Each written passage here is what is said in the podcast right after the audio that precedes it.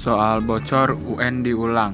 Bocornya soal ujian nasional untuk tingkat SMP yang dilaksanakan pada Rabu 23 April 2015 merupakan berita besar untuk pelaksanaan ujian tahun ini. Menteri Pendidikan Anies Baswedan mengatakan bahwa pelaku yang pembocoran soal ujian sudah diselidiki. Ia memaparkan bahwa pelaku pembocoran pembocoran akan diproses hukum sesuai pasal yang berlaku.